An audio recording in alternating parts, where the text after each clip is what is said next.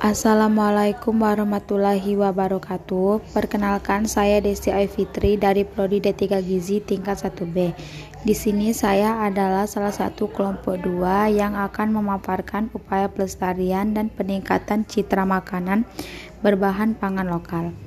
Penganekaragaman konsumsi pangan diselenggarakan untuk meningkatkan ketahanan pangan dengan memperhatikan sumber daya, kelembagaan, dan budaya serta kearifan lokal.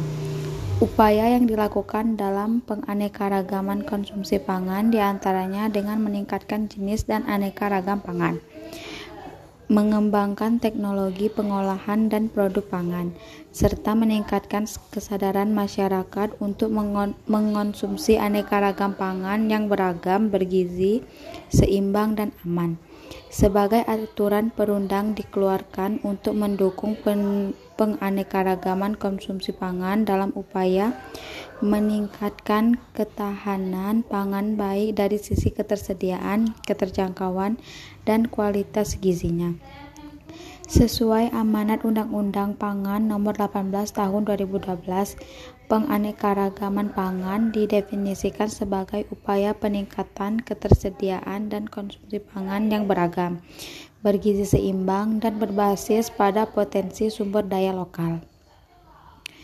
Perpres nomor 22 tahun 2009 menjelaskan bahwa penganekaragaman konsumsi pangan merupakan upaya untuk memantapkan atau membudayakan pola konsumsi pangan yang beraneka ragam dan sering dan seimbang serta aman dalam jumlah dan komposisi yang cukup guna memenuhi kebutuhan gizi untuk mendukung hidup sehat, aktif, dan produktif. Indikator untuk mengukur tingkat keanekaragaman dan keseimbangan konsumsi pangan masyarakat adalah dengan skor pola pangan harapan atau PPH yang ditunjukkan dengan nilai 95 dan diharapkan dapat dicapai pada tahun 2015.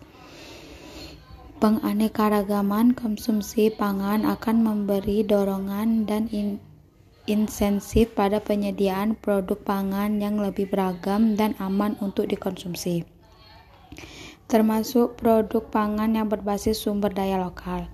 Dari sisi aktivitas produk, penganekaragaman konsumsi pangan dapat meminimalkan risiko usaha pola monokultur, meredam gelorak harga mengurangi gangguan kehidupan biota di suatu kawasan, meningkatkan pendapatan petani, dan menunjukkan pelestarian sumber daya alam. Upaya pengembangan konsumsi pangan dapat pula dijadikan salah satu momentum bagi pemerintahan daerah untuk menstimulasi pusat-pusat pertumbuhan ekonomi baru di pedesaan. Di samping itu, jika dilihat dari kepentingan kemandirian pangan, maka penganekaragaman di konsumsi pangan dapat mengurangi ketergantungan konsumsi pada satu jenis pangan. Dengan demikian, penganekaragaman konsumsi pangan merupakan fondasi dari keberlanjutan ketahanan pangan dan memiliki dimensi pembangunan yang sangat luas, baik dari aspek sosial, ekonomi, politik, maupun kelestarian lingkungan.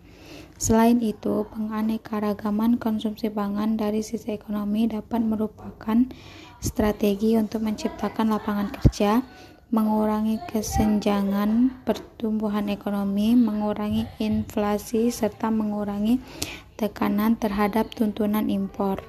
Semua ini dapat dilakukan melalui upaya optimalisasi potensi sumber daya lokal yang ada di daerah. Dalam pelaksanaannya, tentu saja upaya mewujudkan percepatan diverifikasi pangan memerlukan dukungan kebijakan konvensif dari pemerintah, pelaku pembangunan, dan segenap elemen masyarakat. Upaya pemerintah untuk mengubah pola konsumsi pangan masyarakat mempunyai dua sasaran sekaligus. Yang pertama, terjadinya perubahan atau mindset atau pola pikir ke arah pola yang beragam, bergizi seimbang, dan aman. Dua, menurunnya rata-rata konsumsi beras per kapita sebesar 1,5 persen per tahun.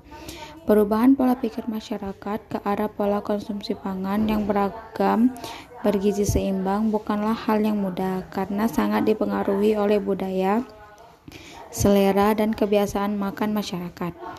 Untuk itu, sosialisasi dan promosi diverifikasi konsumsi pangan secara terus-menerus sangat diperlukan.